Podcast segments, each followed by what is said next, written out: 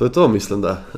Upam, da tole snema. Jaz sem se malo razvadil, ker um, v zadnjem letu je prišlo pri mojem podkastanju do parih sprememb in najbrž glavno je to, da imam studio, v, imam studio. Da. Zaupam studiu, uh, Anžeta imam, ki mi zrihta snemanje, ozvočanje, vse v bistvu. No. Ampak današnja epizoda je malce drugačna. Um, prva epizoda v letu 2024, tako da zelo, zelo srečno novo leto vsem vam. Um, in malo drugačno je tudi z vidika tega, da sem sam in da snimam tukaj doma. Uh, z razgledom na svojo kuhinjo, pult sem prav malo pospraviti, ker bo jester drugače jezna. Ampak se vas večina itak posluša na podcast aplikacijah in nimate slike, uh, danes pa še toliko manj uh, razloga, da bi jo imeli, ker sem itak sam. Jaz sem pred začetkom tega epizode um, pogledal malo statistiko, zelo na hitro in sem ugotovil, da sem lani objavil 16 podkastov, uh, od tega sem imel 11 različnih gostov. Vsako prvo soboto v mesecu, brez izjeme, je izšel en podcast, pogovor. Um, in mogoče se to ne sliši tako veliko, 16 epizod v letu, oziroma 11 pogovorov vse skupaj um, v enem letu, ampak morate vedeti, da to, mislim, kar se mene tiče, sem kar ponosen. No? Ker glede na čas, ki mi ga jemlje že služba in vse drugo, um, je to eden od hobijev zelo pomembnih uh, in sem vesel, da, da ga imam, ampak enostavno več kot tok bi težko. Uh, je pa čisto vsaka epizoda dobila super odzive, odkar sem na YouTubu tudi malo več komentarjev dobivam, uh, ker tam je pač ta koment sistem. Uh, in vam moram vsem reči, da sem blazno, blazno navdušen in hvaležen za ta engagement in za podporo, in sploh za začetek, ne, ker sem na Instagramu nekako uh, začel s podcastom, zato ker sem na Instagramu dobil pobudo. Predvsem največji dodana vrednost, največja dodana vrednost za me je uh, to, da dobim pred mikrofon sogovornike, izjemne posameznike, s katerimi se najbrž drugače ne bi uskladili, ker to so, so in smo vsi uh, zelo zaposleni. In to je nek medij, ne? da, rečem, da ne rečem, pet z mano na kavo za eno uro, ker se bi kdaj šli, ampak težko si vzameš čas in se potem usedeš tako in si posnameš. Govoril sem o psihopatih, o duševnih motnjah, o prehrani, o stresu, o čuječnosti v olimpijskih igrah, o gledališču, o, o palačah spomina, vse v zadnjem letu in to so pogovori, ki jih mogoče. Večina ali pa nič ne bi bilo, če ne bi imel tega medija v podkastu. Tako da hvala vam za interes in hvala vsem sogovornikom preteklega leta, pa hvala sebi. Eh, da sem ustrajal. Ker tole snemam doma, sicer imam mikrofon, imamo premo, lahko da ne bo to študijski posnetek kot sicer. To vam tudi zato govorim, ker ravno slišim v zadju nekaj, kar je lahko ali centrifuga ali vrtanje, ampak kakorkoli upam, da se bo vseeno dobro slišal. In da boste uživali v današnji in vse pomembni epizodi, a ne zato, ker v luči neke, neke tradicije, ki se očitno izoblikuje, bo 1. januarja vsako leto čas za odgovore na vprašanje sledilcev. Lani se mi je pridružila moja draga žena Ester in tista epizoda je bila ena najbolj poslušanih epizod preteklega leta. Um, je pa tle ta zanimivost, mogoče. No, um, Saj ste najbrž tisti, ki me sledite, ste opazili, da se Ester ne pojavlja zelo veliko v mojih objavah, pa podcastih, pa na Instagramu. In tle je to zanimiva uh, praksa, uh, kar se pogosto izkaže, ne, da se nasprotja privlačijo. Ampak ne bom rekel, da smo si jih nasprotna, um, sva si pa zelo drugačna v vidiku te, te ekstra introvertiranosti. Jaz sem uh, človek, ki se rad izpostavlja, kadar ima kaj zapovedati, um, ni mi to problem, rad nastopam na odru, kjerkoli. Ester pa obratno, je to blazen stres, lani sem jo zvlekel. Prepričal, da se mi je pridružila, in letos uh, tega pač ni želela, in to sem seveda spoštoval.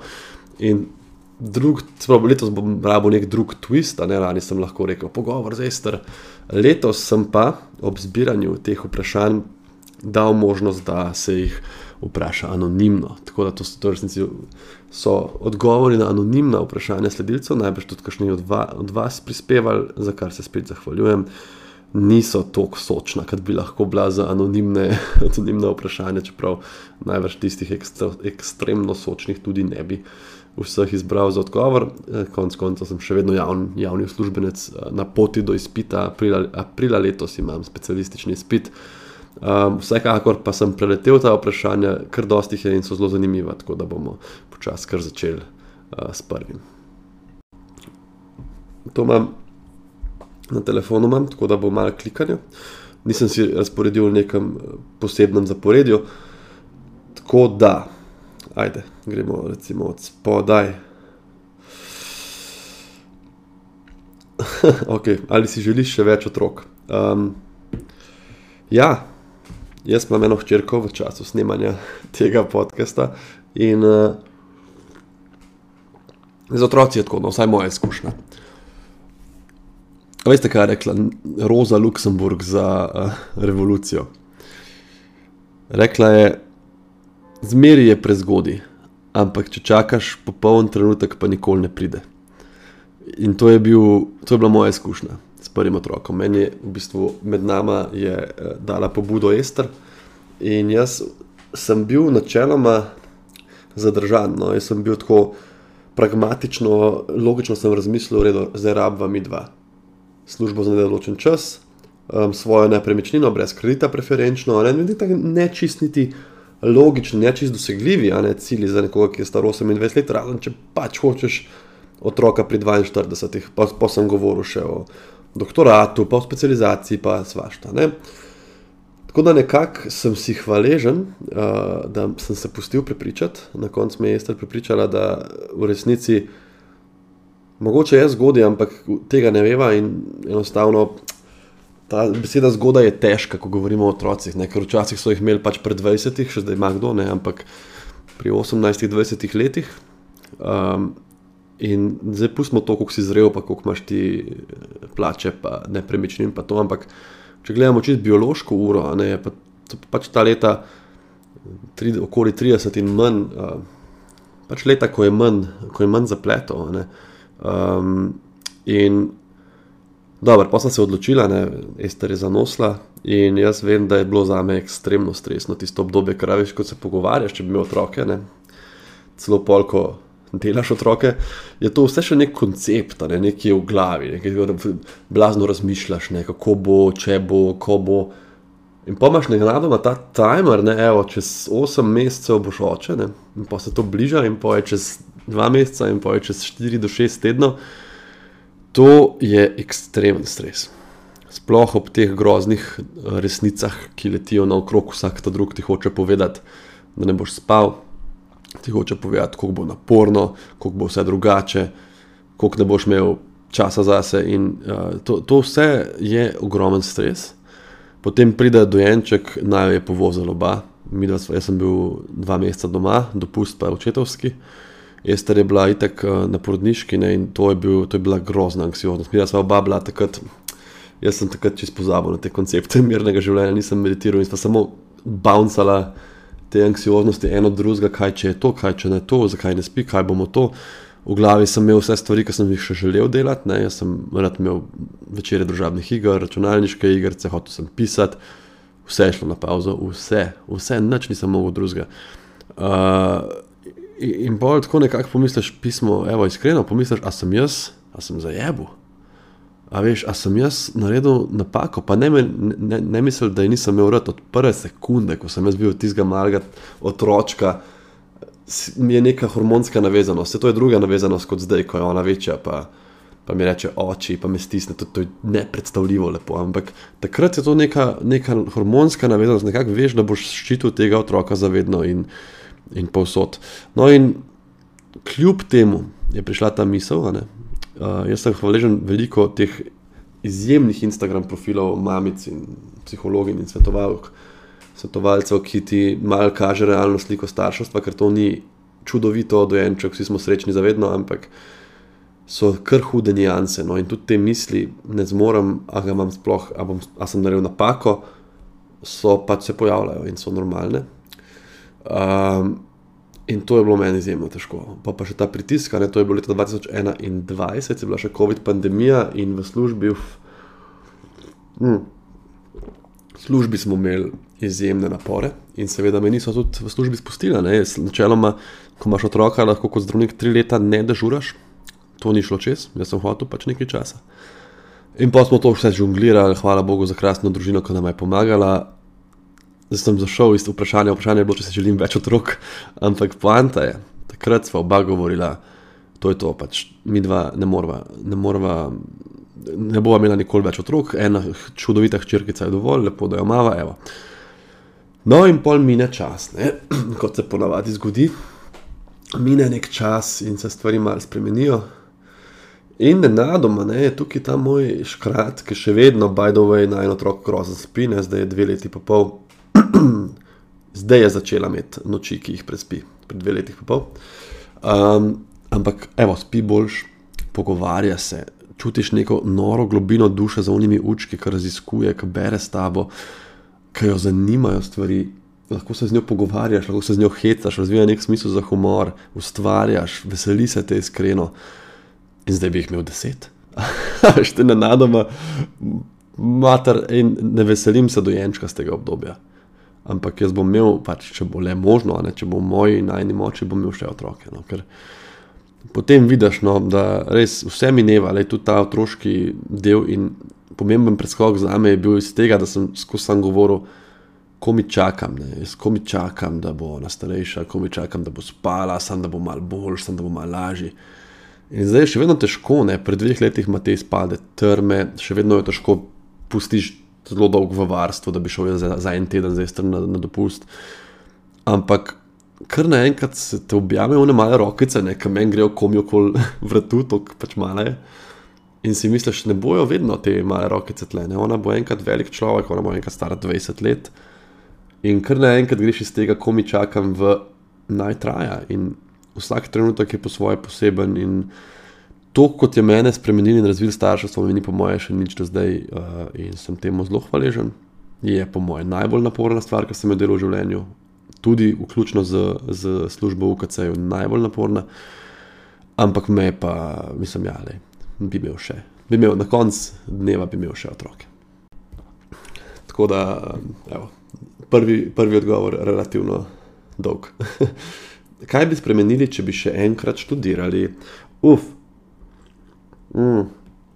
Kaj za tiste, ki ne gledate videa, te moje mm, pauze so, ker pijem kavo, da ne bo čuden zgled.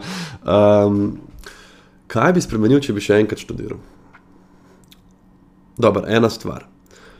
Um, zdaj, rad bi rekel, ne, rad bi rekel, manj sekiranja, manj nespečnosti, manj teh paničnih momentov, ampak to je pač prišlo samo od sebe, na to nisem imel jaz nobenega vpliva in celo mislim, da sem reagiral zelo optimalno. Celo mislim, da sem naredil, kar sem lahko, nisem se vdal, nisem začel jesti tablet, šel sem v neko produktivno reševanje, začel sem meditirati, začel sem brati knjige o, o samoumiritvi. In če ne bi imel tega, mogoče ne bi pisal, vsaj na te teme. Ne? Moja druga knjiga, Znanost mirnega življenja, se ukvarja ravno s tem. Um, tako da ne bom rekel tega, pač to je prišlo, to zdaj nimam kaj. Kar bi lahko mogoče jaz spremenil, je malo manj sekiranja o prihodnosti, kar se tiče zdravniške službe. Pri nas je to ful smotane. Ti delaš eh, izpite, lahko ti gre zelo dobro, lahko ti gre slabš, kako koli. In pol kar naenkrat dojameš, da bomo morali dobiti specializacijo. Ne? In tle je ta vzgoja, ne? vsaj pri nas je še bila, ki je ostala od prej. Ne? Recimo, če gledamo infektologijo konkretno.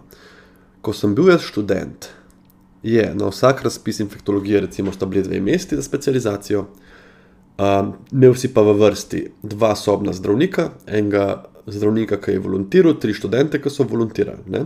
se pravi, prostovoljno delali na kliniki. To so bili vsi ljudje, ki jih je zanimala infektologija, ki so želeli biti infektologi in so vedeli, da se bo mogel boriti, da prijem tja. In zdaj, če tudi, ne, če tudi so določene stroke, ki so še vedno zelo zaželjene in je težko prijeti na njih, žal se kaže, da so to večinoma stroke, kjer obstaja privatni, privatni sektor, um, ker ljudje v stroke, kot je infektologija, ne, je, kjer guraš dobesedno, ne? kjer boš ti delo spustil, boš dušo na naših hodnikih, ne boš mogel privati, ker ne obstaja ni takega interesa več. Kar večina šefov in profesorjev še, še ni nekako pre, preklopil te miselnosti, z nami se še vedno pogovarjajo, v smislu, ti si lahko počaščen, da boš delal v UKC. Ti moš kader dobiti s tem, da ponudiš nekaj. Ne? Ti moš reči, lej, ti boš lahko vesel, da delaš tukaj, ker imaš to, pa to, pa to. Pa to uh, imaš super okolje, produktivno lahko raziskuješ, imaš najbolj zanimive primere, višjo plačo, parking, karkoli. Tega ni. In, in kar sem jaz se zelo sekiral, kje bom dobil specializacijo, bom imel točke, a ne pa jaz, ki sem imel ogromno točk, sem pač delal, ker sem se bal, da ne bom dobil. Ne. Preveč sem se stresiral, glavnem. ker na koncu, kot študent medicine, če končaš, da če ti študiraš točno določeno specializacijo v glavi, jaz hočem biti samo neurokirurg in nič drugega, boš mogel delati, boš mogel imeti pike, boš mogel volontirati, bo trajalo lahko več let, da priješ do tja. Ne. Če pa tebe zanima par stvari, če si priden, to bo vse prišlo, specializacija bo prišla, nas rabijo po celi Sloveniji, posod. In to sekiranje in, in nasedanje ljudem, ki ti pravijo na vajah, na predavanjih, deli, če ne naš dubu, imaš točke, preširnova, raziskuj. Kva raziskuj, raziskoval boš celo življenje, pet ti kot študent žurat, pač pet, ne vem, na morje s punco, sprost se, a veš, to, to, to bi rad povedal svojemu mlademu sebi, mogoče bi zaradi tega na sveta padel, ker še ni spit, ali pa ne vem, imel kakšno točko manj. Ampak jaz sem se recimo prijavil na infektologijo, ko sem bil edini prijavljen, tako da točka je gor ali pa dol.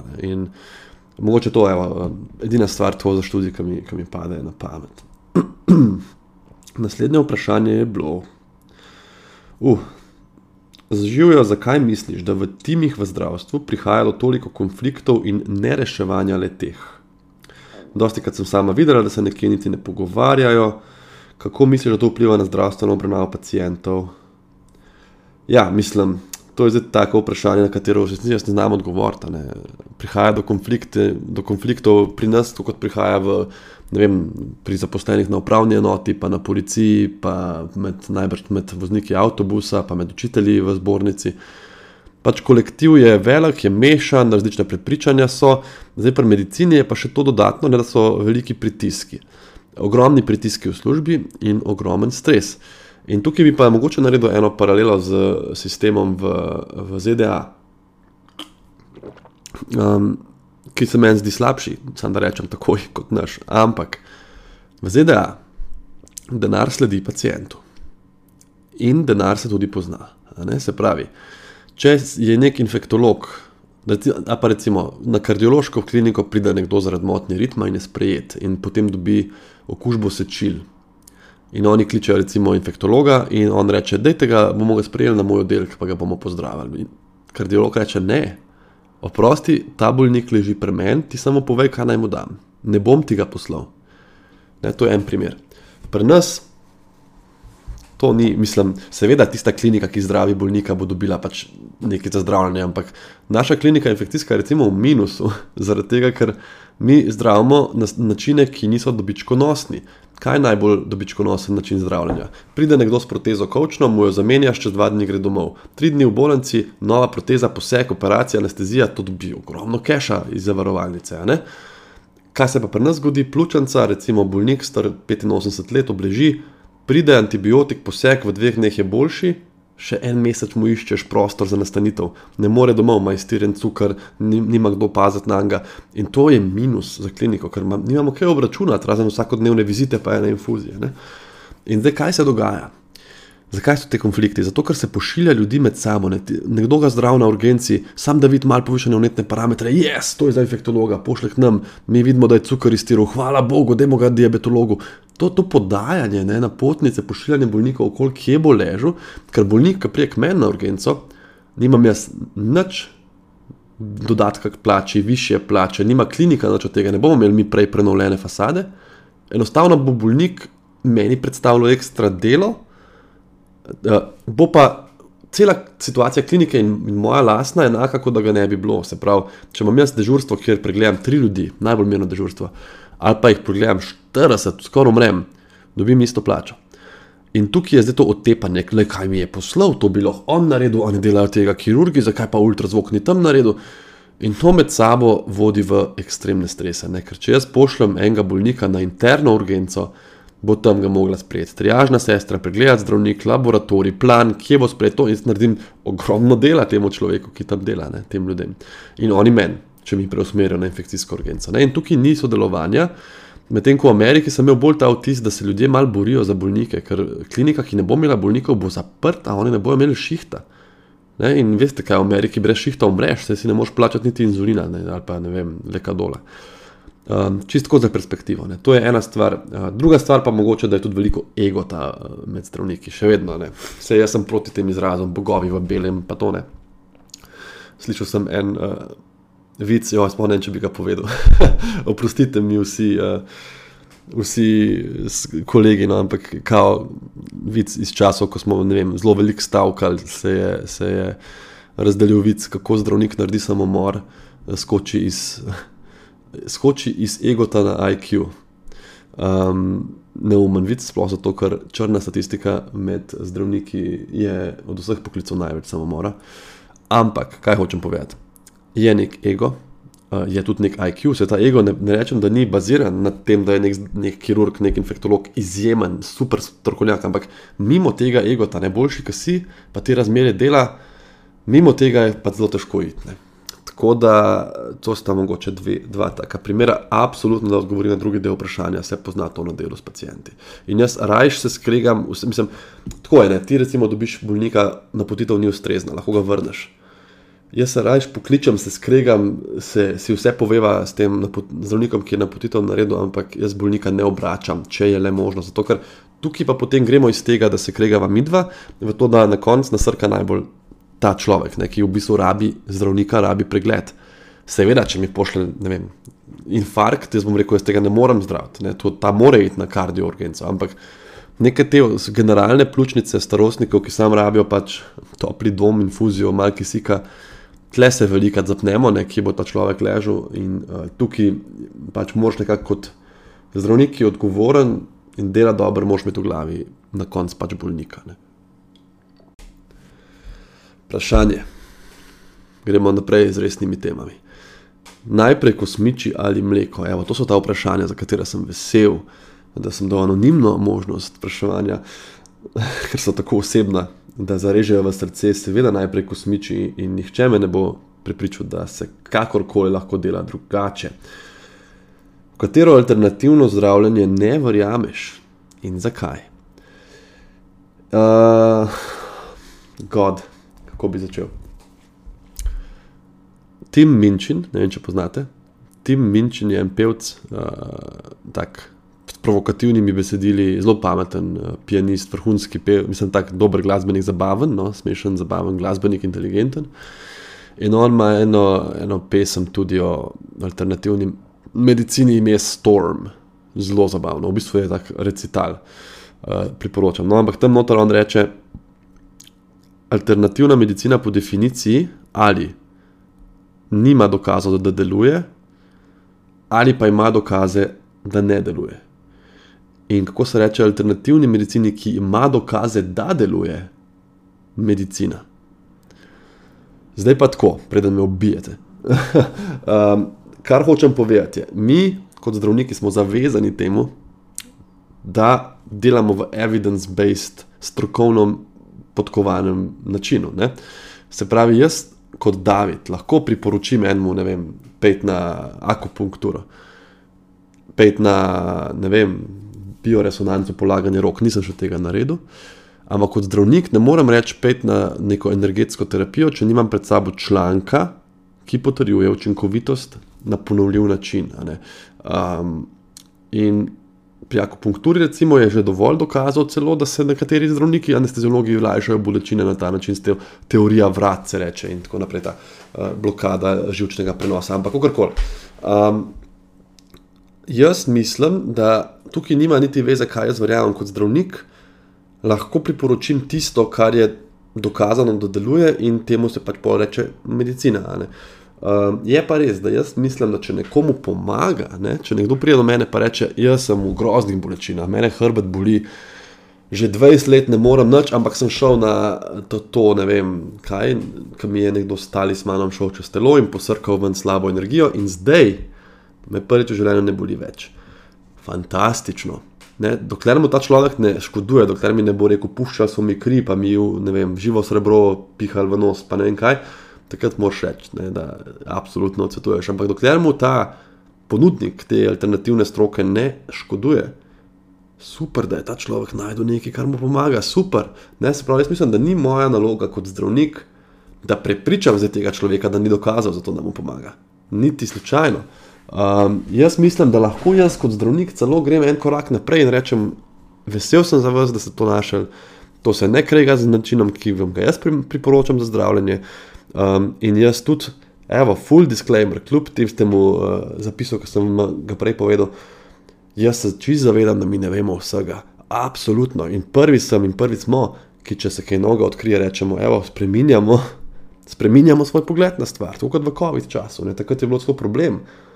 Ker smo si zdravniki in epidemiologi tako velikrat premislili, maske ja, maske ne, maske zunaj, maske not. Da so ljudje rekli, vi nimate pojma. V resnici gre za to, da imaš nekaj informacij na razpolago in s časom pridejo nove. In takrat si ti dolžan, kot znanstvenik, spremeniti stališče. Ti kot nek um, ne vem, religiozni vodja, idejni vodja, filozof, lahko zagovarjaš smrti svoje. Tudi če se druge stvari pokaže, boš rekel ne.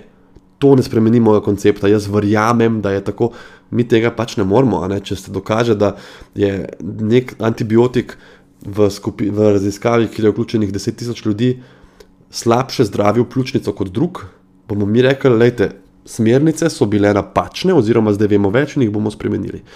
Um, tako da, absolutno um, sem vedno odprt na to, samo govorim o tem, kaj kot zdravnik lahko priporočam, in to je mogoče celo pomirjujoče. Ne, da, ko prideš na urgenco, ne, se ti lahko greš zdraviti, uh, se ne, tudi tradicionalna kitajska medicina lahko zdravi, zdravijo pač marsikatera stanja, ampak ko ti priješ na urgenco, ko si življenjsko ogrožen, ko imaš ti neko sepso, ko, ko imaš uh, odprt zlom, uh, okuženo rano, takrat želiš, da ta zdravnik točno ve, kaj ti lahko predpiše, zakaj, kako bo to delovalo, a bo pomagalo, kdaj ne bo pomagalo, in da zna on te pokazati učbenik ali pa članek, kjer bo ga podprlo.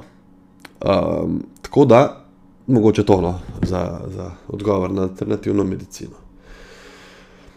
Prosim, da poveš kaj več o tem, da nekateri pri sproščanju in meditaciji doživijo panične napade. Hvala, super knjiga. Obljubim, da piše super knjiga, nisem dodal tega k vprašanju.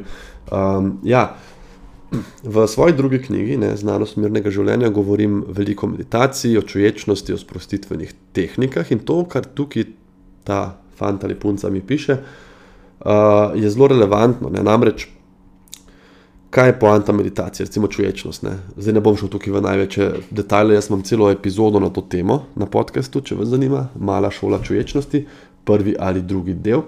Um, tudi tisto je solo epizoda. Vedno no, nočem uporabljati pri podkastanju izraz solo epizoda, ker se mi tako seksualno sliši. Ampak um, danes moram reči, da se fulano počutim pri snemanju tega, ker imam te ta vaša vprašanja. In se mi zdi, da me intervjujete, sledilci, ki vas imam tako fulgrat, ki ste me ustvarjali, ne, te moje kanale in profile, mene, tako da krasno. Um, nazaj na solo epizodo, mislim, nazaj na meditacijo. uh, kaj je čuječnost? To ni tehnika sproščanja. Čuječnost je mentalna tehnika, koncept, ki ima lahko za e-, efekt na dolgi rok sprostitev, ne? ampak ni poanta, da ti po meditaciji si vedno tudi sproščen. Ker če boš to pričakoval, potem prvič, ko boš naredil meditacijo, jo končal na vid, boš rekel, to ne deluje in tega se ne grem več. Tako da pričakovanja so važna. Ne? V glavnem, pri čuječnosti gre za sprejemanje, za raziskovanje odprto in sprejemanje tega, kar je. In včasih, ko se boš usedel in boš prvič v celem dnevu zaprl oči in se dejansko sprostil, boš lahko zaspal, ker si tako utrujen, da nisi povedal, da si tako utrujen, ali boš pa lahko recimo, dobil panične misli. Ne? In zdaj kaj? Um, to se lahko zgodi, če je to velika težava, da, te, da ti je neprijetno. Je mogoče boljš vaditi s terapeutom ali pa z nekom, ki te malo vodi, z nekim tečajem. Um, nekateri pa enostavno ne morejo sedeti, ne morejo meditirati, uh, ne morejo meditirati sede, in takrat lahko delajo tudi jogo, obstaja meditacija med hojo. To vse tudi malo razložim v knjigi, uh, ampak se pravi, za te ljudi, ki se čustveno zelo slabo počutijo med, med temi vajami, jaz vedno priporočam, da, da v to ne grejo sami, ampak jih nekdo vodi. Ej, so, za enkrat so mi drugače vprašanja zelo všeč. Nisem niti vseh prebral, tako da mi je tako mal razburljivo, ko odpiram ta inbox uh, na tej aplikaciji. Um, tako da grem naprej. okay. Bi rekel, da si slaven. Vprašaj. Bi rekel, da si slaven. Um, kako se ti zdi, da je pisateljevanje in vplivništvo vplivalo na delo zdravnika? se lahko fokusiraš na oboje. To je pa zelo dobro vprašanje in več točk, ki se bi jim posvetil. A bi rekel, da si slaven? To je težko odgovoriti, zdaj objektivno. Ne? Me pozna zelo veliko ljudi. Uh, to je pač čisto dejstvo, ni tle neke samo promocije ali pa hvale. Če gledate številke, sicer tle je zdaj odvisno od vaše interpretacije. Ti, ti imaš slavnega nekega, ne vem, najboljši, kaj dam zdaj za primer, najboljši kajakaš na svetu, je najbrž zelo slaven. Jaz ga ne bi prepoznal zdaj na cesti. Coldplay, obožujem bend, če prije basist tukaj mimo mene, ga ne bom prepoznal. Se pravi, kaj je slava? Ne? A je to Dwayne Johnson, ki ga vsak od vas vidi takoj na cesti, ne? The Rock, noben ga ne bo svalil, a je to Joe Biden, ali je to pač ta kajakaš, a sem to konec koncev jaz, ne? z dosegom, ki ga imam. Um, zdaj, ne bom rekel, da ne, vem, ne morem iti v restauracijo in v miru pojesti, ker so fani posod, ne? tako da na ta način ne. Imam pa velik doseg in te moči in tega privilegija se pač se zavedam. No. Zdaj, kako se ti zdi, da, se, da je pisateljevanje in vplivništvo vplivalo na delo zdravnika in da se lahko fokusiraš na oboje? Tukaj je pa um, tudi par stvari. Ne. Ena je, uh, če govorimo o pisanju knjig, vzel mi je več časa, kot sem pričakoval in to na nepričakovan način. To je malce čuden stavek, ampak uh, Jaz sem mislil, pisanje mi bo vzelo predvsem čas, da, da napišem. Posebej pa je izkazalo, s tem, kar se je zgodilo, sivo cono, koliko veliko sem mogel jaz vložiti v, mislim, mogo, je težka beseda. Kako veliko časa sem užil v dogodke, nastope, intervjuje. To, to, to res ti gre veliko energije. Ne? En tak mail, da, da samo odpišeš, že tudi če samo odpišeš, ne morem priti v vašo vem, knjižnico, nimam časa, ti vzame energijo, ne moreš razmisliti o vabilu, kdaj je, kako je, ali lahko, zakaj ne, kako boš napisal, zdaj, da bo ljudno, ali boš ponudil drug termin. Pravi, vse ti jemlje čas in takrat je bilo tega res ekstremno veliko. Zdaj z drugo knjigo, um, čeprav sem zelo vesel, ker je pač prodajne številke so nore in zelo podobne prvi, ampak na srečo. Ali pa na nesrečo je tega hajpa manj no, in tudi teh vabil in vsega. Mogoče, ker sem to hitro zdaj izdal drugo knjigo, da je en, en leto bilo vmes. Uh, tako da moram reči, da razen tega, da sem v obizidu in v teh prvih mesecih po sivi coni uh, imel več obremenitev, ne morem reči, da je, da je zelo vplivalo na, na moje življenje. Instagram. Ja, tukaj pa, uh, tukaj je pa ne, zdaj vplivneš in ta naziv. Že ta naziv sam po sebi. Ta naziv je širok, ne, ti si lahko vplivneš za ne vem, marketing, hrano, otroke, vzgojo, medicino, uh, ličila. Ne vem, za, za karkoli. To je nekdo, ki ima bazo, ne, ki ima bazo sledilcev in ki lahko uh, vpliva na njihova mnenja glede določenih stvari. Tako da je pomemben naziv v resnici, če ga izkoristiš, ne se lahko objavljaš samo reklame.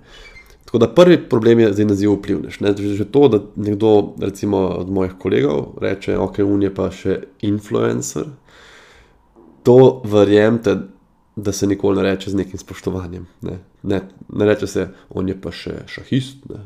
on je pa še influencer. Uh, tako da doma pa si minič oblečem, pa prodajam neke pajkice. Tako, ne. Se pravi, uh, redko kdaj bo to tako rečen v pozitivnem smislu.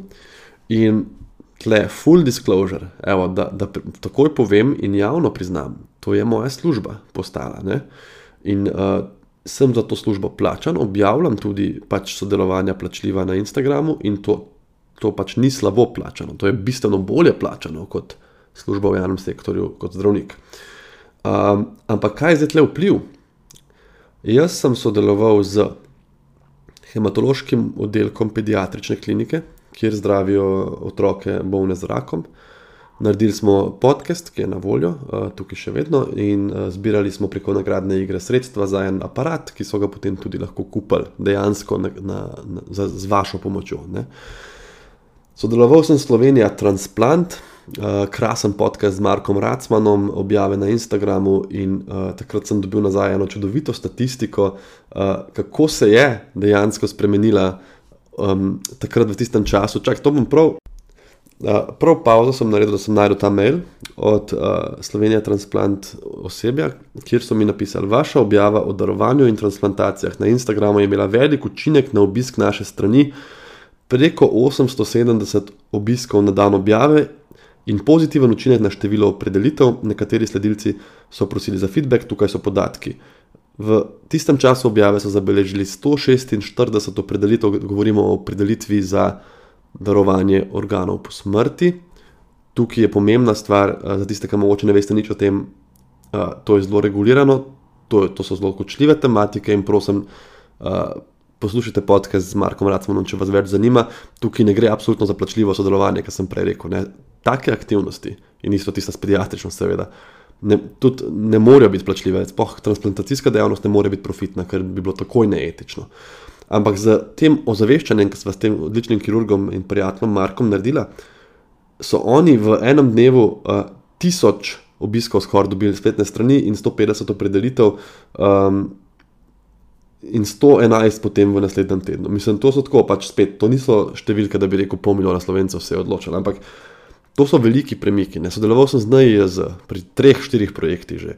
Se pravi, so institucije, pomembne institucije, ki prepoznajo mojo, uh, moj doseg in jaz ga z veseljem uporabljam za ta način, delim dobrodelne objave, kongrese, um, podprem te zadeve in to so pač ogledi, ki so v tisočih. Um, in, in to mi je ena najlep, najlepših zadev, kar se Instagrama tiče. Se pravi, tukaj je vpliv in ta vpliv je močen, in v času COVID-a, zdaj teh uradnih podatkov tam nimam, seveda, ne, ampak jaz vem, da se je marsikdo recimo bolj zaščitil, vse cepil, vse bolj obnašal protektivno od mojih objav. Pač vem to, zato ker so mi ljudje to pisali in ker so mi pošiljali slike cepilnih knjižic in pisali, ne vem, hvala za vaše informacije in tako naprej. Tako da jaz se kot vplivnež v resnici počutim zelo dobro, poleg tega, da sem pač zdaj razvil še eno službo. Je pa tukaj tudi več hakalcev. Prvič, ne, kdaj kje objaviti. Um, več, ko imaš dosega, več, ko imaš moči, hitreje se lahko tudi upečeš. En moj primer je bil ena zima, ko sem dežuril v COVID intenzivi in sem imel pauzo, da se ne moreš 24 ur delati. Ne moreš. Maš, ne, greš na stranišče, greš nekaj pojesti. In takrat sem jaz pomislil, kaj če bi jaz zdaj objavil tole, kar se mi zdi zanimivo. Ne? Takrat je bila zelo ta debata, cepiti, ne cepiti, zakaj cepiti. In jaz sem delal vizito, sem videl, da imam 54 eh, ljudi, je bilo takrat, mislim, da intubiranih, od tega dva necepljena. In to se mi je zdelo pomembno sporočilo, se mi je zdelo, ne? za tiste, ki se mogoče odločajo, če bi se zaščitili ali ne. To je bil en slide, na stori sem napisal, da to, jih imam, to samo opazite na sebe, pomislite o tem, nekaj na, na ta način objava. Ne? In naslednji dan me kliče en zelo pomemben zdravnik v kliničnem centru in reče: A si doktor Zopančič, ne ste vi včeraj objavljali na Instagramu nekaj, jaz sem šel doma po dežurstvu, jem jajca. Ne? In gledam, ja, sem, ne. tako je me tako šit, prvič, prvi, da so me klicali tako na ta način. In je rekel, a veste, to ste objavili, napisali ste, sem dežuren in potem to objavil. In takoj so bili komentarji, aha, oni stavkajo za plače, oni so kao tako utrujeni, med delom pa lahko odpirajo Instagram, lahko objavljajo stvari, haha, te zdravnike. Ne? In mi je takrat on rekel, lepo, ne, rekel, lejte, vi ste z objavami, in to mi je veliko povedalo. Mi je rekel, vi z objavami podpirate stroko in to cenimo, ampak pazite, ker ljudje so lahko zelo slabo, zelo namerni. Ne. In je, je razlika. Je razlika, če sem jaz vplivnež, kot nekateri so samo, ne, v zaničevalnem smislu, ampak nimajo drugih služb, kot da so vplivneži. In je razlika, če ta človek ob desetih zjutraj nekaj objavi ali pa za med službo, kao, ne, ki je to itak njegova služba, ali pa če jaz če jaz ob desetih, jaz sem začel tako delati, da če sem ob desetih nekaj objavil, ponavadi napišem, danes imam popoldansko ambulanto ali nekaj pojasnim. Ne? Ker sem čakal, da bo nekdo screenshot obkrožil eno uro in rekel: Evo, zdravnike, kako delajo. Ne? Sreda ob desetih, oni na Instagramu. Um, in ne samo ljudje, tako, ne vem, tudi zdravniki, tudi sodelavci. Ne? Jaz se zavedam tega, da sem najbrž marsikomu mnogo manj všeč, odkar se s tem ukvarjam. In tukaj je še ena stvar, um, ki se jih morda ljudje ne zanimajo, ne, ne zavedajo.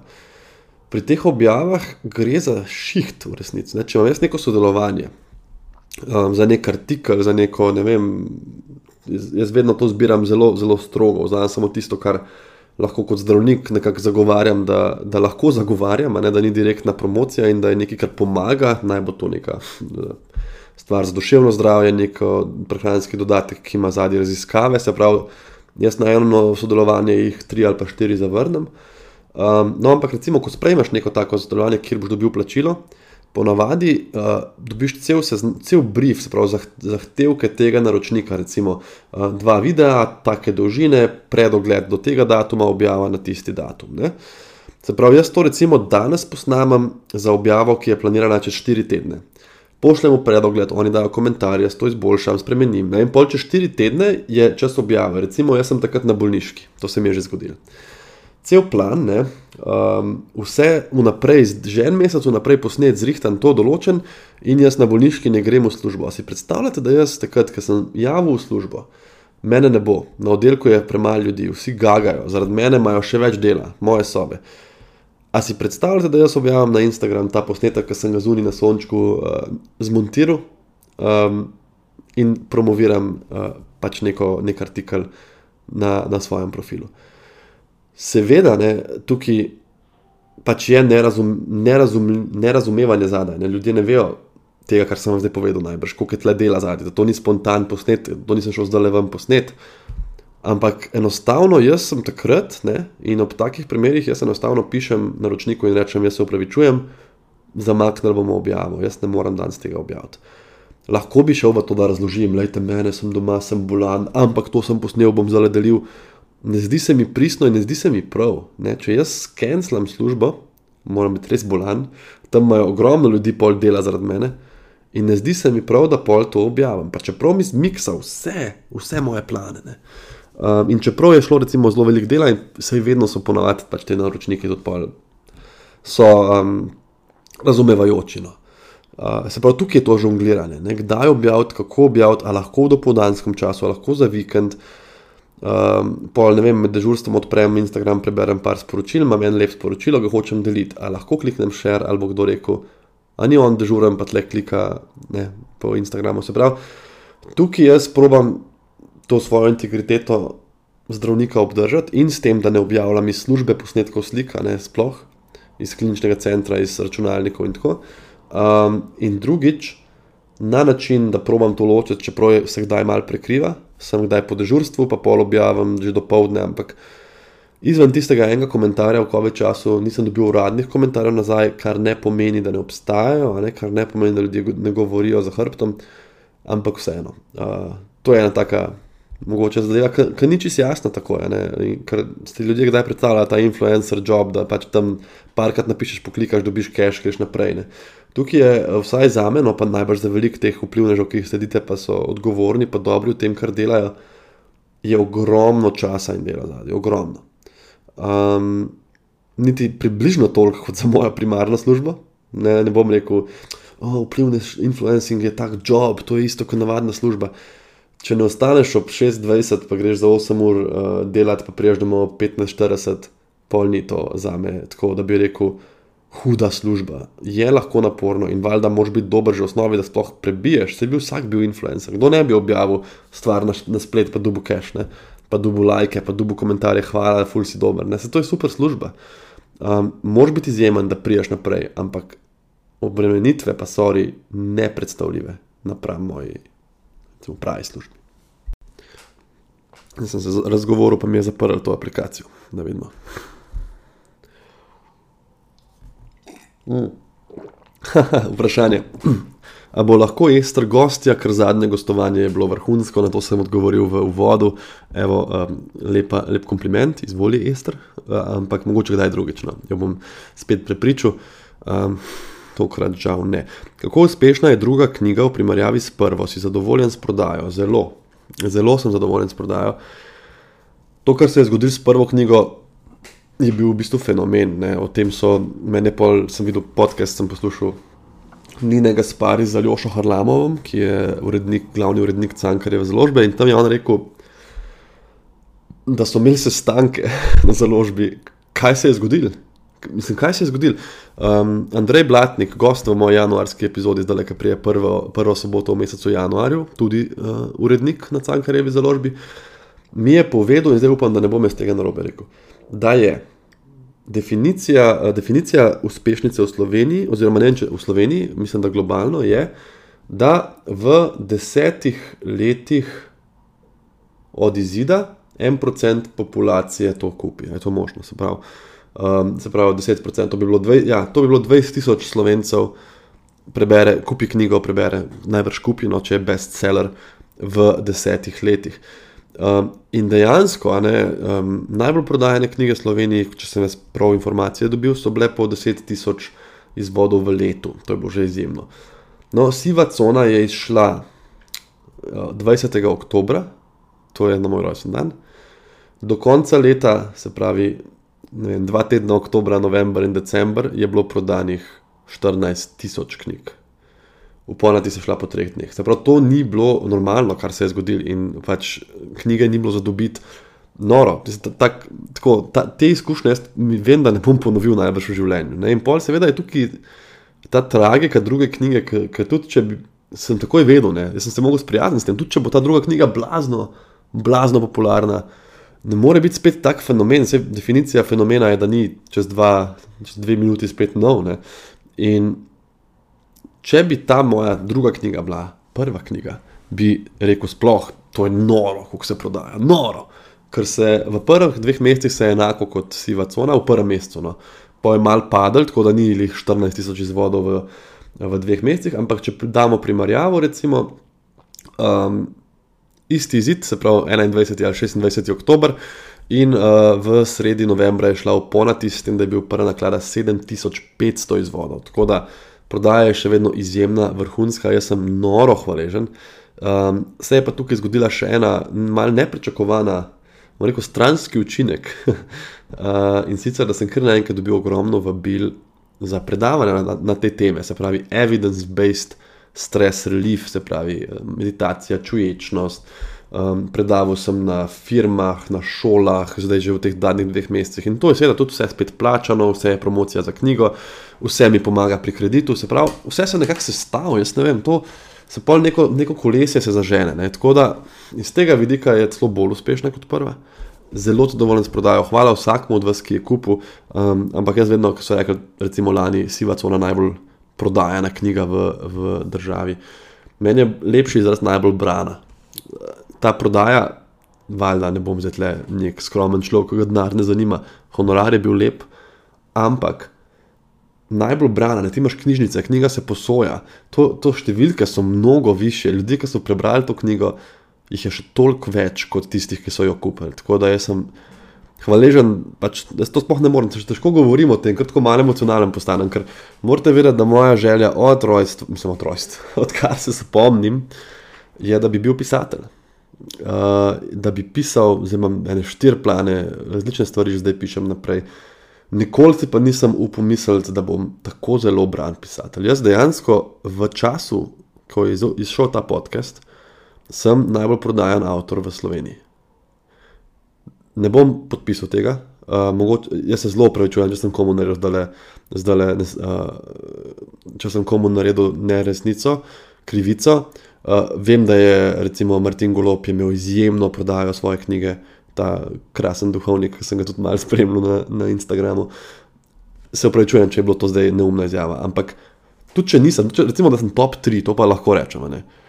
Top 3 najbolj prodajni avtori v državi ej, to, mislim, ni, mislim, jaz sploh ne vem. To, jaz se to vsak dan, to ni ena stvar, ki se je navadiš ali pa ki ti gre mim. Jaz se to, ne vem, na 3-4 dni mi pade ta misel v glavo in si mislim, ljudje me tako radi berejo in jaz tako rad pišem in to je res. To je kot, ne vem, če se banalna primerjava, nekdo, ki. Zelo rad kuha, poroči za enim, ki zelo rad je. Ni tako. Um, tako da hvala, no, ne vem, se ta hvala skozi nekaj govorim, ampak Res, res, res mi je lepo to. No. In rad pišem in bom še veliko pisal. Ok. okay to, to smo mogoče že odgovorili, kaj bi svetoval sam sebi, če bi bil spet v prvem letniku na medicinski fakulteti. Sem mogoče rekel tisto ne, o točkah, kaj drugega se zdaj ne spomnim. Aha, pa, pa je ta, uh, to vprašanje sem pa že prej zagledal. Uh, o otrocih smo tudi že veliko govorili, ampak tole eno stvar bi še dodal. Vprašanje je, kako se odločiš, da boš imel otroka, glede na to, da so po svetu vojne, globalno segrevanje, hiperpotrošnja, kapitalizem, pač res ogromno sranja. Mislim, da ta svet ni ureden mene, kaj šele mojih otrok. Res me iskreno zanima, stara sem 27 in če bi bil svet ok, bi jih imela. Jaz mislim, da ta oseba, ta punca, ki mi je to poslala, preveč gleda novice. De, to, je moja, to je moja diagnoza. Um, pa ne bom zanikal, da so hiperpotrošnja, vojne, kapitalizem. Ampak naši možgani, naša zavest, naše dojemanje ni narejeno za to, da držiš cel svet v glavi. Ker se nismo razvili evolucijsko tako. Ti si imel razgled do sosedne jame, pa tam še malo gozda, pa tam si videl eno, en potok, pa si gledal, če je tam merjasec. Nisi gledal, kje so vsi merjasci te Evrope, pa tega sveta, ta trenutek, pa kdo te lahko poje. In to je zdaj problem. Ti odpreš neko televizijo, pa, pa imaš še nek občutek, da zdaj moram biti aktivist, moram se s tem, moram to prebrati in se, in se iti boriti. Pa prebereš o lakoti, pa o vojni, pa o banditih, pa o piratih. Pa si dobiš točno ta občutek. Jaz, ta svet je grozen, nerešljiv in jaz nočem enega človeka dodati temu svetu, ki bo trpel z mano. Počas, hej, super, da imamo aktiviste, super, da imaš globalen pregled, super, da, da se ukvarjaš s stvarmi, ampak dej malo zadihi, za dva tedna zapri medije, ki ti bojo vedno kazali najbolj pretresljive zadeve, zato ker se to najbolj bere in prodaja. Pa poglej do sosedne jame, samo, samo do unga gozda tam, kaj ga vidiš. Dosti je ta, ti je ta pogled. Za nekaj časa. In pomisel, če so po svetu hiperpotrošne pa vojne. A to pomeni, da jaz ne morem iti le 200 metrov do špara na sladoled svojo punčko. Pa jaz si naročim kavo, ona sladoled, ona se smeji, se pogovarjava in prideva pol domov in prebereva eno knjigico skupaj zvečer. A ni, ni to, ne, to so lepote življenja, mogoče je celo odgovor na, na to grozo globalno, ki te lahko prime, je mogoče ravno to odgovor, da si en mali delček vzameš. Tep ni treba rešiti sveta, ne moreš tega narediti. Tudi če bereš vse te stvari in če se vključiš v neko inicijativo za ekološko podnebje, super. Ampak ne misli, da boš ti sama ali pa jaz, da bova to rešila. To je tudi isto pri pr zdravniški službi. Jaz sem kdaj dobil tak stres v glavo, sem rekel, jaz ne morem več delati v slovenskem zdravstvenem sistemu, ker le koliko ljudi čaka. Zdaj je spet en, enega so obtožili, ker je imel podkupnine, ljudje so na hodniku, nimamo kirurgov, sestre je zmeraj manj. Um, kako bo, jaz ne morem tle delati, jaz ne morem tega vsega rešiti. In takrat se vprašaš, ok, ampak kaj pa v bistvu je moja zadolžitev, kako, kako jaz prispevam k svetu, pa k našemu zdravstvenemu sistemu. Zihar ne z tem, da razvijam strategije za zaposlitve, da gradim bolnice. Ne? ne prispevam na ta način, jaz prispevam s tem, da danes povizitiram mojih 15 bolnikov, da danes v urgenci pogledam teh 20 ljudi. Se pravi, prispevam na svoj način in ne prevzamem vsega na sebe. Le jaz ti povem, a misliš, da je 300 let nazaj, 50 let nazaj, da je bil pa svet tak, da je bilo uredno imeti otroke, ko so imeli svetovne vojne, pa v srednjem veku, ko so zažigali ljudi žive. Mislim, na svetu je vedno zloba, vedno je hudobija, vedno so težke stvari, ampak le kaj se danes bere. Vsaka novica o poplavah, naslednja novica je o humanitarni pomoči. Novica o potresu, naslednja je o tem, kaj bomo tja poslali. Vojna, tako mirovna pogajanja. Se pravi, ljudem ni vseeno, imaš ogromno ljudi, ki se trudijo, ki se borijo, ki probajo preživeti. Imáš cele vlade, ki omejujejo recimo neke zakone, kako bojo prodajali nepremičnine, ti najbolj bogati, da, so, da imajo več odgovornosti do kupcev. Se pravi, vse se premika na nek način, ki ni vedno očiten. Če, ber, če gledaš samo, samo recimo, uh, novice, boš mislil, da bomo čez dva tedna vsi umrli, ali bomo sežgani od sonca, ali bomo se utopili, ali nas bo Putin ubil, nekaj se bo zgodilo. Se pravi, da je ustavljen, se prisi malo te medije, pa pomisli, da lahko mogoče življenje tudi titriraš v malih odmerkih. In mogoče je lahko, uh, mislim, jaz niti enkrat nisem pomislil, recimo, ko sem razmišljal o otrocih iz tega vidika. Ne. Da svet ni ureden mene ali mojih otrok. Ravno je ureden. Jaz mislim, da bo moja hčerka, to je ti sponosen fotor, da bo naredila razliko. In jaz mislim in upam, da že jaz delam neko razliko. In to spet ne pomeni, da sem Dwayne Johnson, da me vsak vidi na cesti, ampak mogoče tri, štiri od mojih sledilcev lažje zaspijo, odkar me spremljajo. Mogoče sta dva se izognila bolnici, ker so se cepila, ko sem jaz objavljal o COVID-u. In to je ta razlika in to te žene naprej ne vzeti celega sveta na svoje pleča, nisi predsednik Amerike, nisi generalni sekretar Združenih narodov, upam, če pa si pa lepo, da me spremljaš, uh, da je počas. Jaz upam, res upam, da boš to poslušala in da si videla ta odgovor, in upam, da ti bo pomagal, seveda pa sprejmem, če boš rekla, bullshit, ne strinjam se. In, um, seveda, ko si odločiš za otroke, je to najbrž najpomembnejša odločitev v tvojem življenju.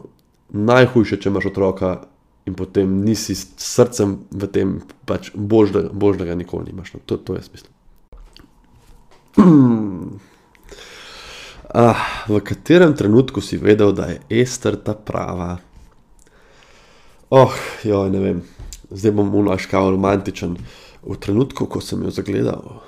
Um, takoj, ko sem jo videl, mi je bila najlepša punca, ki sem jo videl, ever, do takrat.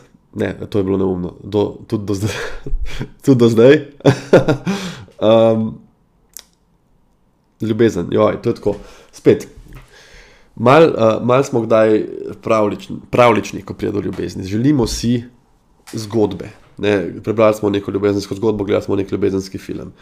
Ni vedno tako. Uh, ljubezen, jaz mislim, da nastane počasi in da nastane na način, da se človek niti tako ne zaveda, da je nastala. Ne. Kar naenkrat, ko živiš skupaj, se dopolnjuješ, se izpopolnjuješ, kar naenkrat začutiš, da je tukaj nekaj več kot razmerje, in ne boš znal dati prsta na to. Ne boš rekel, torek ob dveh sem se pa zaljubil, po ne vem, 52 dneh in 16 urah. Ne boš ne.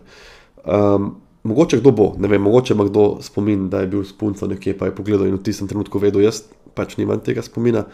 Zelo zgodaj sem začutil eno zelo, zelo močno, tesno povezavo. Uh, zelo zgodaj, že po moje, po nekaj tednih. Enostavno smo se tako ujela, tako se imela rada in tako, tako je bilo lepo, da, da, da je to res, res bi rekel, zelo zgodaj že nastalo, ne znam pa in ne upam dati nekega datuma, ker to se mi zdi, da se isto razvija in utrjuje. To, to ima neka, nek naravni proces teh razmerij. Ne, jaz sem zdaj star, pri 19 letih sva postala par, zdaj, ko to snemam, sem 32, tako da uh, sva, že, sva že nekaj časa skupaj. Um, ali sem 31 ali da sem 32. ok, nisem vedel, da se mi lahko to zgodi, da je v življenju. Um, vse vse en, pač dolgo smo skupaj, to je poanta. In zdaj ta navezanost je drugačna kot takrat. Ne? Po dveh mestih so bili tisti metulčki v, v trebuhu in tako nora, kot neka obsesija, kot neka skoraj uh, odvisnost. Zdaj tega ni, ne? zdaj jaz pač lažje grem za dva tedna stran, kot sem šel takrat, ko sem skoraj umrl ne? po enem mesecu. Ampak je pa neka druga povezava. Ne Mislim, da to, to ljudi kdaj zmoti, no? ker ta začetna faza mine, pa ni več tistega vsakodnevnega dopamina, so pol tako, to ni to. Mogoče je, sam pač life ni vedno na 105 posto, kdaj pride na nekih takih prijetnih 60 posto, pa pa tukaj skače. In mislim, da se moraš s tem pač sprijazniti. Najbolj nepozaben dan v službi je, po mojem, dan, ko je bil potrjen prvi primer s COVID-om. Um, jaz se ga spomnim, tako res, res se ga spomnim, no, tiste spremne ambulante, spomnim se vseh telefonskih klicev, spomnim se, kako sem šel povedati temu gospodu, da ima okužbo. Spomnim se tistega občutka v prstem košu, ko ti razbija srce in ne veš, ali si prestrašen, ali si navdušen, ali si oboje, ali je, a te bo kar konc. Spomnim se, kako mi je telefon vibriral že postalno, ena, dva, tri, vsi grupčeti, sodelavci. Spomnim se izrazov sodelavcev, ko smo, ko smo zvedeli, da je ta virus prišel k nam.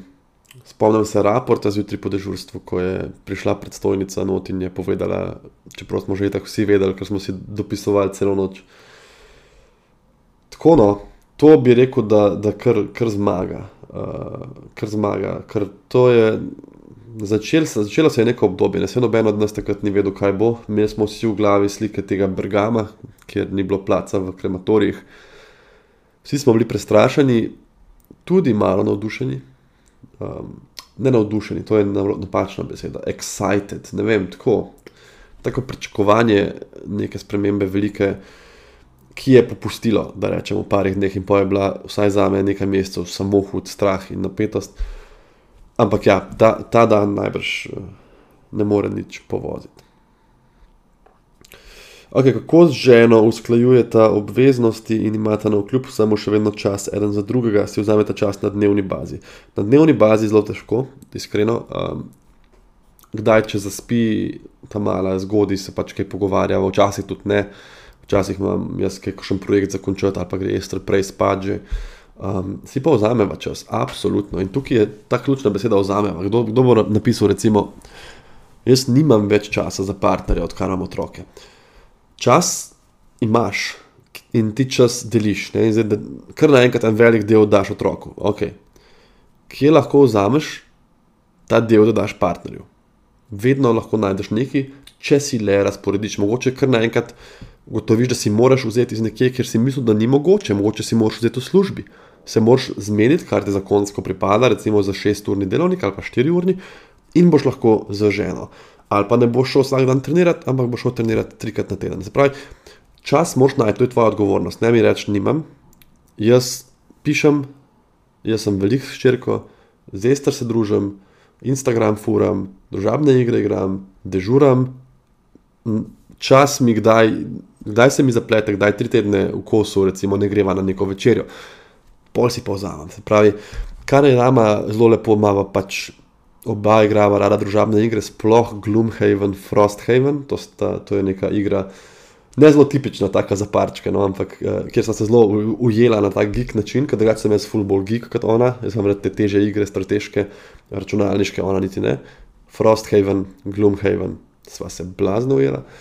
Zelo rada um, raziskujeva vrhunsko kulinariko, um, greva jesti ven, kakšno večerjo, zdaj, zdaj je lažje, ko imamo varstvo. Pa te večeri, no, ko mina zaspi, je vse temno, ko je nekako ta mir se vzpostavi, pogovori, kakšna serija, kdaj je neumna. Tako, v glavnem, da imaš najbolj ključene ta del, no, da si čas vzameš, absolutno. In zdaj imamo nek svoj koledar v Google, ne pač Google koledar na telefonu, kjer oba dva vnašava not vse, od mojih dežurstev do ne vem, različnih projektov, do dopustov in se pol sklejujeva praktično sproti na tedenski bazi, kar je skozi kaj novega. David, pozdravljen, novo vprašanje, živijo. Zanima me, v kolikšni meri te to influencerstvo stresira, koliko časa ti preživiš na socialnih omrežjih, pa še eno malo bolj splošno vprašanje. Po mojem mnenju bo influencerstvo k malu, vprašanje let, zamrlo. Kaj pa misliš ti? Influencerstvo, um, ah, imel sem par obdobij, ko me je stresiralo, Um, najbolj lani, se pravi, to je zdaj že, a se reče predlani, se pravi, zima iz 2022 na 2023, ko je bila mina stara eno leto, je bila zelo, zelo, zelo bolna, skozi iz vrca in pa smo se mi nalezali, imel sem veliko bolniških v službi, ta težka dežurstva. Ob tem sem pa jih takrat nekako imel ta skok, ne, ko sem začel veliko sodelovati s firmami in takrat sem imel te težave, ker sem napisal, ne, da sem imel neke objave, bolniško, kako to objaviti, ne da bi v službi znorel, kako to zbalansirati, kdaj snemati, kdaj poslati. Um, takrat mi je bilo težko zelo. Drugače pa načeloma me res ne stresira in to zato mogoče, ker kaj me stresira, mislim, v službi, recimo, če dam paralelo, UKC. Stalno dobivaš neke razporede, točno kdaj moraš biti, kje, kdaj greš tja, spremna ambulanta, urgenca, uh, se upravičujem, uh, intenziva, oddelki. Se pravi, vse čas imaš zelo dezigniran čas, in če te ni, moraš trem ljudem tako javiti, da te ne bo, ker pač mi delamo z ljudmi, ki so zelo bolni in nekdo vedno mora biti na razpolago. In kaj je zdaj tle razlika? Jaz lahko Instagram zaprem za 2-3 dni, lahko, ga, lahko ne sprejmem nobenega sodelovanja 2 meseca, lahko sam fore objavljam 3 tedne. Jaz sem tle zelo razbremenjen. Veste, zakaj sem razbremenjen? Ker to ni moja privatna služba, primarna služba. Ne, jaz verjamem, da je marsikomu od influencerjev lahko stresno, recimo, če ti pade rič. recimo, gledaš te analitike Instagramske, prejšnji mesec sem imel več ogledov, več sledilcev, več engagementa, več komentarjev. In ti je lahko stresno to, ne? lahko ti je zelo stresno, da zdaj ne nadoma imaš manj dosega, ker to bo pomenilo manj denarja tudi. Meni to nikoli ni bilo problem. Jaz sem lahko ostal objavljal točno to, kar sem jaz želel, ko sem jaz želel, uh, zato ker nisem. Mislim, bojo moji otroci jedli, tudi če tega ne naredim. Ne? Pač imam službo, ki je moja primarna služba, ne? klinični center. Iz tega vidika me ni nikoli stresiralo, da bo zamrl, jaz ne vem. Jaz v bistvu ne, mislim, da bo prej zamrl kaj drugega. To ni več samo socialno omrežje. Uh, ni to več, kot si včasih šel na Instagram ali pa na Facebook, pa si pogledal slike od prijatelja, uh, on je na morju, oh, on je pa na pivu v centru. To je rado marketing in to zelo močen marketing. Iz obeh pogledov se mi zdi zelo smiselen. Zdaj vam bom dal jaz nek tak govor, ker nisem marketing specialist, ampak, ampak imam pa v pogled v ta sistem. Zdaj se že več kot eno leto relativno intenzivno ukvarjam s tem in šel sem noter totalno, totalno nov ne, čist bel, noč nisem imel izkušen. Ene par prvih sodelovanj, če rečem, milo drago so me nategnili glede različnih pogodb in honorarjev in to nisem vedel, nič, kako to deluje. Ampak, zdaj, če pogledam iz vidika, recimo, potrošnika, ne, recimo, da ti želiš um, kupiti nek voziček. Zakaj zdaj? Jaz mislim, da bo prej izumrl, recimo oglaševanje na panojih, tle zunaj ob celovški ali pa v časopisih. Zakaj? Če boš ti hotel kupiti voziček, kaj boš naredil za otroka? Lahko da, boš, lahko da boš gledal nek časopis in bo tam uh, reklama za voziček. A boš ti kupil ta voziček, boš šel v baby center in rekel: Dajte mi ta voziček. Ne, tebe bo, ti boš ti pogledal in boš rekel, vse je res, jaz rabim voziček. Vem, čez dva meseca bo moja žena rodila, zdaj se moramo to poglobiti. In boš rekel, ok, super, zdaj sem se spomnil in boš odprl svoj telefon in boš pogledal revije, mogoče neko, uh, sled, neko vplivnico, ki ji zaupaš in ki objavlja te stvari, ima tri otroke, objavlja že leta in leta, in boš na podlagi vsega tega naredil odločitev. Se pravi, kaj je tista firma, ki je plačala za objavo od Cajtanga vozička, kaj je naredila? Noč tebe je poslala konkurenci. Tebe je sam spomnila, da rabiš nekaj. Isto je, če boš videl reklamo za fotoaparat. Ne boš šel na Big Bang in kupil takoj ta fotoaparat. Ti boš rekel, uf, fotoaparat, jaz grem res na dopust, to pa ni slaba ideja.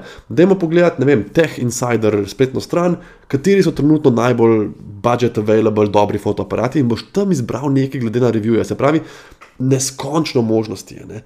In jaz grem, jaz grem, recimo, sem, si rečem, ne vem jaz bi neko družabno igro novo, jaz bi neko opremo za, za, za otroka rabva. Ne grem v Cajten gledati, ne grem gledati pa notam, ki nad avtocesto visi. Ne. Grem na profil ene mamice, ki to dela že pet let, ki ji zaupam, ki ima neko pamet zadnji, seveda je plačana, ampak ona tudi zbere, ne, zakaj bo vzela honorar. In zberem tam. Um, in zdaj splača se pa tudi iz vidika tega naročnika ali za to, kar sem zdaj povedal. A boš ti dal 1000 evrov za en plakat, tam, ki ga mogoče kdo vidi, pa gre googlat, če je tvoj voziček sploh dober, ali boš dal 1000 evrov eni mami, ki ima 15.000 sledilcev, večinoma točno tvoj targeted audience. Večinoma mlade mamice jih spremljajo, recimo, in boš rekel, le, pogled, če ti je ta voziček všeč, pa ga predstavi za ta denar. Se pravi, tudi njim se splača. Zakaj influencerji dobijo, iskreno, bodimo iskreni, veliko denarja? Zato, ker se to firmam splača, se nobena firma ne bo rekla, jaz sem dober človek, mej malo višji honorar, čistko. Ti njim narediš hud profit, da dobiš ta svoj, svoj, ta svoj honorar. Um, in jaz mislim, da tukaj smo mimo vprašanja socialnih omrežij, tukaj je delovanje sveta, marketing, uh, ta bolj personal advertisement, ki seveda pogori, če si ti vplivnež, ki sprejme vsa sodelovanja, vsak dan kaže nekaj, danes si krema, jutri je voziček, pojutrišnjem so sveče, ulej ta, ta pijača, že celo življenje pijem elektrolitsko vodo, prvič si slišal za njo včeraj. To pa uh, tukaj te hitro tudi prepoznajo, no? ljudje se mi zdi, da nisi pristen. In um, dolgotrajna sodelovanja, pa taka, recimo, če ti ena mamica, ki se s tem ukvarja pet let, pokaže, kateri voziček se njej zdi najboljši, tukaj pa je to bistveno boljše no, kot neka, neka reklama v Cajtengu. No, to, to je moj pogled na stvar in zato jaz mislim, da tudi če bo Instagram, kot ga poznamo, umrl, čeprav, kot jaz vem, samo raste, ne, uh, se bo razvila neka druga platforma na, na podoben način. Ok. Koliko časa sploh že govorim, ne vem, kako to snemanje malo drugače poteka, uh, ampak se imamo še par vprašanj. Recimo, a si imel, imel v narekovaju, a si imel v času študija raz, veliko različnih bolezni, ko si se v njih učil, pa je pogosta stvar medicincev. Ej, niti ne. Ta hipohondrski sindrom, ne, recimo, ne, ne, nisem, da bi rekel, da zdaj, kar sem bral, ne vem, o raku testisov, da sem pa čutil tam pritisk, pa sem bral pljučnice, pa sem začel kašljati. Ej, ne, po moje ne. Verjamem pa, da, da lahko to nastane. Uh, eno vprašanje, zdaj malo letim čez, da ne bom jih še dve uri govoril. Uh, pozdravljen. Sem faliran študent, ki, let, ki uspešno lenari že vrsto let in se nikakor ne spravi k sebi, bodi si z dokončanjem diplome ali zaposlitvijo na rednem delovnem mestu. Imaš kakšen nasvet za nas, ki smo umetnost lenarjenja ponotranili in nimamo zagona, ki je nujno potreben za samo uresničitev? Umetnost, tukaj je ta beseda, Zato, to je ta moja sintagma, ne? umetnost lenarjenja. Umetnost je v tem, da si vzameš čas za to, kar je važno, in da rečeš enkrat dost. Um, zdaj, kako postati produktiven, ne vem. Mislim, da ne pomagajo motivacijski govori, pomaga kakšna knjiga. Jaz nisem imel s tem nikoli težav, no, ker sem človek, ki ima to nekako mora biti v pogonu in imam skozi ene projekte v glavi, želim si delati, želim si laufati naprej. Tudi v času, ko sem razmišljal, da bi pustil medicino v najhujših obremenitvah, je meni Ester rekla, Ester mi je rekla, da ti ne boš zdržal. Ti ne boš zdržal doma, ker sem rekel, da se jaz lahko pišem, pa sem vplivnež bom zaslužil bom dovolj, ne, če, če bom to delal full time, spal bom skozi, ne bom imel stresa. Ona mi je rekla, ne, ti, ti, ti boš znoro, ti rabiš ta adrenalin, rabiš, da se dogaja, rabiš, da imaš občutek, da delaš nekaj pomembnega in, in narediš razliko. Tako da v bistvu ne znam odgovoriti na to, razen da rečem, da je umetnost lenarjenja ravno v tem, da si enkrat rečeš dovolj. Um, in se vprašaš, kaj v resnici biti red. Če si faliran študent, mogoče tudi ni zate. A veš, jaz vidim to pri nas, ne, da se mi zdi, da vsak mora iti študirati. Tako v gimnaziji, kar razmišljaš, vsak mora iti študirati, in pa imaš ljudi, ki jih ne zanima nič specifičnega in si pač zberejo neki, neko stvar, kjer se mogoče ne bo veliko zaučiti. In pol to delajo leta in leta in leta. In leta. Imam enega tazga prijatelja, odličnjak. Študiral je, mislim, da tri, štu, tri smeri zamenjal na filofaksu, in zdaj ima eno um, poslopje, eno kmetijo malo, blizu Ljubljana, kjer goji, mislim, da koze, pa ovce, sir dela, uživa, mislim, inteligenten tip, ne bom rekel, tu je um kmet, full pameten, bolj pameten od mene, mislim, lepše ocene ima vse. Ampak pač najdu se tam in to ni nič narobe. Eni pač bodo delali to, eni bodo začeli, ne vem, kaj šraufati, graditi, najdel neko žilico, ustvarjati, slikati. Se pravi, se polje je mogoče kdaj težko živeti od tega, to je drugo vprašanje. Ampak če skušaš študirati leta in leta in meniš te študije, mogoče je pač za razmisliti o celotni spremembi strategije. Pa upam, da nisem zdaj komu uničil življenja, ki bo pustil vse.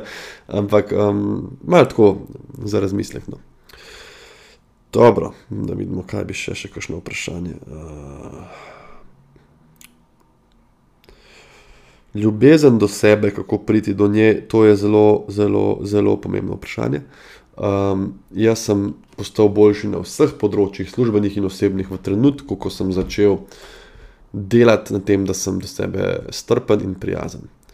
Ker človek sploh ne opazi, kokrat je ne, nesramen in kokrat je odrezal in kokrat je nepravičen do sebe, dokler tega aktivno ne spremlja.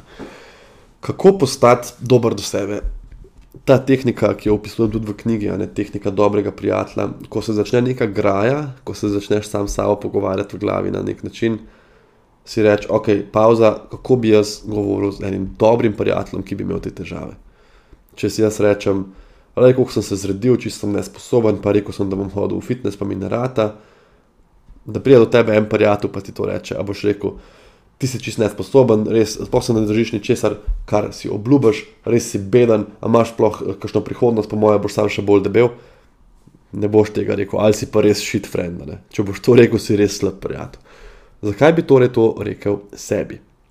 Zato, ker si kdaj prav paše to, da sam sebe butaš, v tla zabijaš. Ne? Jaz sem slab, jaz sem grozen, jaz sem najhujši. Ne vem, kot neka mazohistična vzgib, psihološki, pa pa še zraven, kdaj verjamemo, da bomo zaradi tega bolj produktivni, kar je ena največjih laži. Jaz znam znanstvene dokaze v knjigi svoje znanosmernega življenja, da znam znanstvene dokaze, da če se do svojih stisk izzivov na solidaren in podporen način odzoveš, boš samo še več motivacije imel, da se izboljšaš. Um, pa pomislite tako, no, če bi imeli enega tipa, ki bi vam sledil vsako minuto v dnevu, hodil za vami, pa vas sam neki težil, pa vas dajo v nič. V prvi priložnosti bi ga poslali stran, ne bi ga tolerirali, valjda ga ne bi, kaj, ja boste rekli, le tam mi vsak dan govori, kako sem beden, ampak to me zihar spodbuja, jaz bom ga pustil tle, valjda ne boš rekel tega, rekel boš zgin, ne rabim te, ne. Ampak ko sami to delamo, pa tega ne prepoznamo. Tako da se mi zdi, da tukaj je važna ta stvar, da sploh zaveš, da problem je in ga, in ga na ta način pač uh, začneš sploh reševati. Katere so tvoje najljubše knjige, predvsem me zanima fantasy? Oh, dobro vprašanje, ker ima podoben okus, je dopisal ali dopisala. Fantasy. Okay, ko sem bil odraščajoči otrok, je name največji vtis naredil um, Harry Potter. Ne? Takrat sem rasel s tem, jaz sem bil ta generacija, ki je bila jih okoli, ne vem, koliko smo bili, 13, 13 let, ki je ta zdaj, ko je bila prva knjiga. In sem dejansko, ali 12, ne manj sem bil, pismo 11, 12, sem dejansko bil Harryjevih let, ne, in pa sem se lahko razvijal z njim. Um, predtem en krasen roman, ki sem ga prebral kot otrok v osnovni šoli večkrat in sem tudi nekaj časa pisal svojo verzijo, to je bil moj hobi, je bila Alica v čudežni deželi. Um, to, ko mi čakam, da svojo hčerko berem. Drugače, najbolj od vseh fantazijskih zadev, ki sem jih prebral, mogoče me je generalno bil tak, pred, ne vem, največji, da rečem, je bil po mojem vseeno Igra prestolov. Se pravi, A Song of Ice and Fire, cela, cela serija knjig od George Martina. Sem eden tistih ljudi, ki že deset let nestrpno čaka šesto knjigo. Prvih pet sem jih prebral dvakrat, enkrat sem prebral in pa sem se par let nazaj odločil, da zdaj bo pa res počasi že napisal, tako da bom jaz raje še enkrat počasi prebral vseh pet, da bom vedel, o čem se je dogajalo točno sem prišel do konca, on ni niti še blizu tega, da izda knjigo. Tako da um, to, Brandon Sanderson, mogoče malo manj uh, znana referenca, uh, Mistborn je trilogija. Bom jaz te stvari napisal spodaj v opis, da boste lahko poklikali. Fenomenalna, Patrick Rothfuss je Name of the Wind, uh, čakamo tretjo knjigo, tudi fenomenalna. Um, jaz imam tudi eno knjigo uh, od Lovecrafta, če vam jo pokažem. Uh, za tiste, ki ste na podkastu, pač ne boste videli. No, pač knjiga je uh, Complete Fiction of H.P. Lovecraft, to je ime, ki ga vsak fiction reader more poznati, prav je, da ga pozna. Um, je nekako standard, ne vem, da bi v fiziki, v fiziki govoril o Newtonu, uh, fantazija je Lovecraft. In uh, tle noč so pač vse, vse njegove zgodbe, to je avtor tega Cthulhu mitosa, če, če poznate. No. Uh, On, je, uh, on piše v tej še stari angleščini.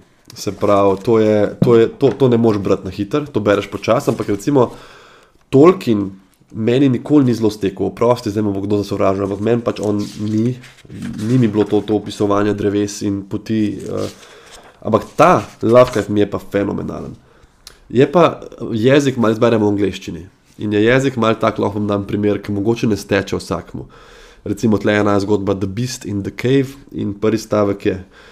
The horrible conclusion which had been gradually obtruding itself upon my confused and reluctant mind was now an awful certainty. To je tako, da bi jedel nek dober obrok, počasi, vsako besedo posebej, um, super. No. Tako da, evo, upam, sem jih naštel kar nekaj, uh, če bo kdo, če bo koga zanimal. Ta Lovecraft, veliko njegovih stvari je tudi prevedenih, no. ampak um, ta njegova veščina je meni totalna dodana vrednost. Um, Zdaj bom res počasi zaključil, pa pogledajmo še za kaj, za konec, kaj bi še lahko. Um, če ste trenutno najbolj strah, da bi se karkoli zgodilo moji hčerki, se pravi, kadarkoli grem z njo ven, avtomobilov, kolesov, da bi jo zbil, da bi kaj zbolela. To je res pač meni, dokler je ona zdrava in zadovoljna, sem jaz zdrav in zadovoljen. Um, katere bolezni infektologija še ne more v celoti pozdraviti, pa bi vi želeli, da bi se dalo. Zelo očiten izraz, odgovor je HIV, ne, uh, AIDS, HIV, AIDS bolezen. Zelo dobro jo znamo že zdraviti, pozdraviti, če ne znamo. Če pa hočete en tak bolj dramatičen odgovor, bi pa rekel steklina. Uh, steklina je praktično 100-odstotno smrtna, če zaokrožimo bolezen. Nekaj preživelih je v zgodovini, ampak to je to. In že sam ta nekakšna ideja, veste, da je ena, en od simptomov stekline je recimo hidrofobija. To pomeni, da se človek boji vode, ko, ko, ko, ko spije kozarc vode, začne pluvati in se trest. In to je zato, ker se virus izloča preko sline. Ali ni to noro? In virus je na ta pameten način, to je noro meni, zato je infektologija zanimiva. Evo. Kaj je virus? Skupek genetskega materiala, kar nekaj, ne? ampak on virus povzroči to, da se jaz bojim piti vodo, da si ne bi splaknil tega in zato se mi slina nabira in teče iz ust, in ko bom ugrizel nekoga, se bo lažje širil. Ej, in cela ta bolezen je grozljiva. Tako da um, čistko mogoče za proti koncu ena uh, zanimivost.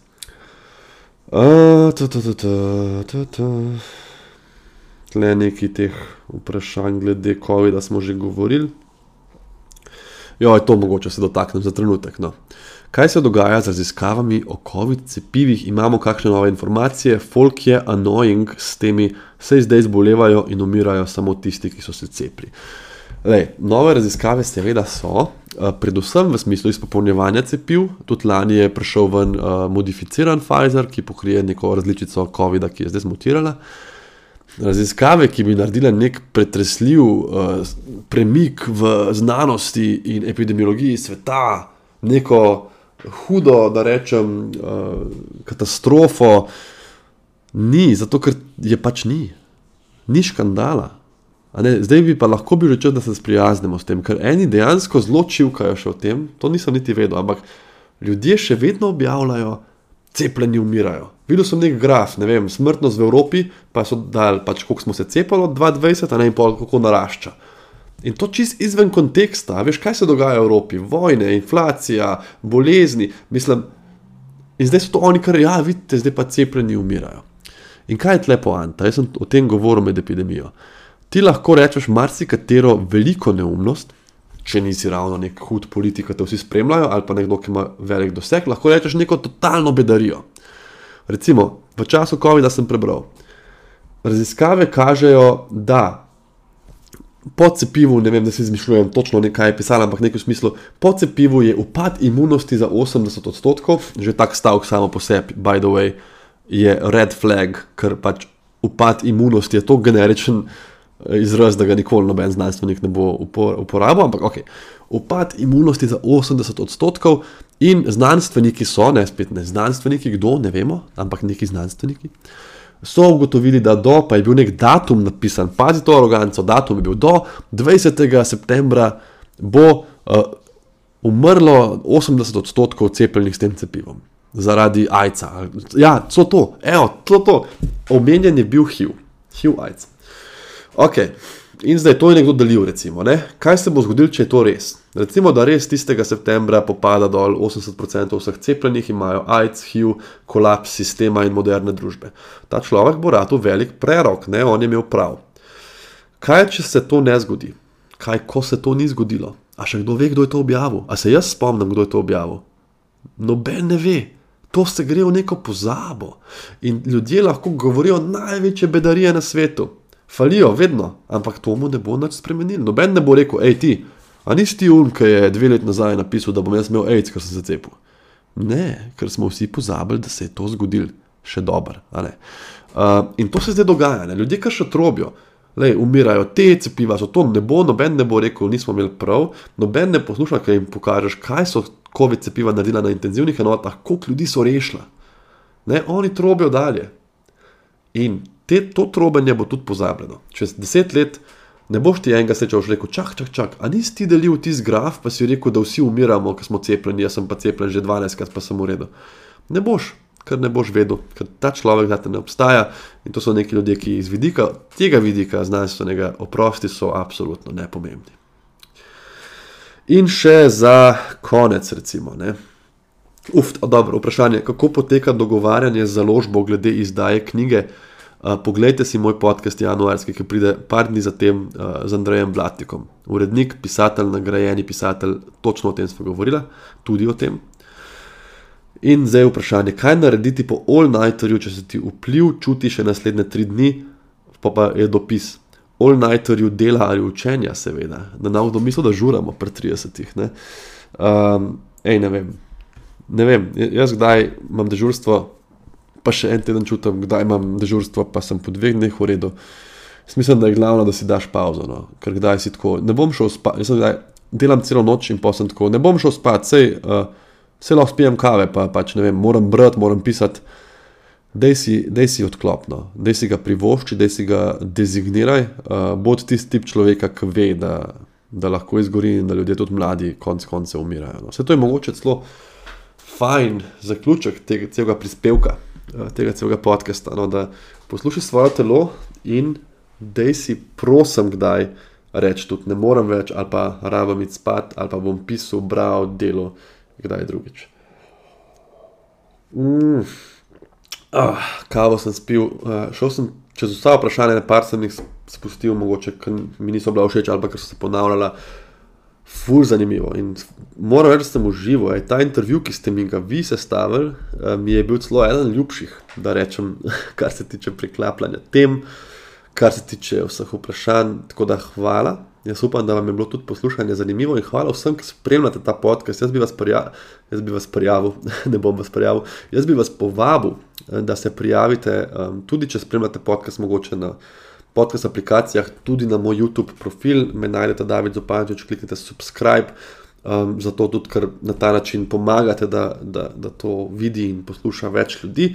Če se vam seveda zdi uh, dober in, in vedno sprejemam tudi povratne informacije na Instagramu, pa kakšne predloge gostov, čeprav to, kar dobivam, no, to je ena stvar, da dobim kar veliko sporočil.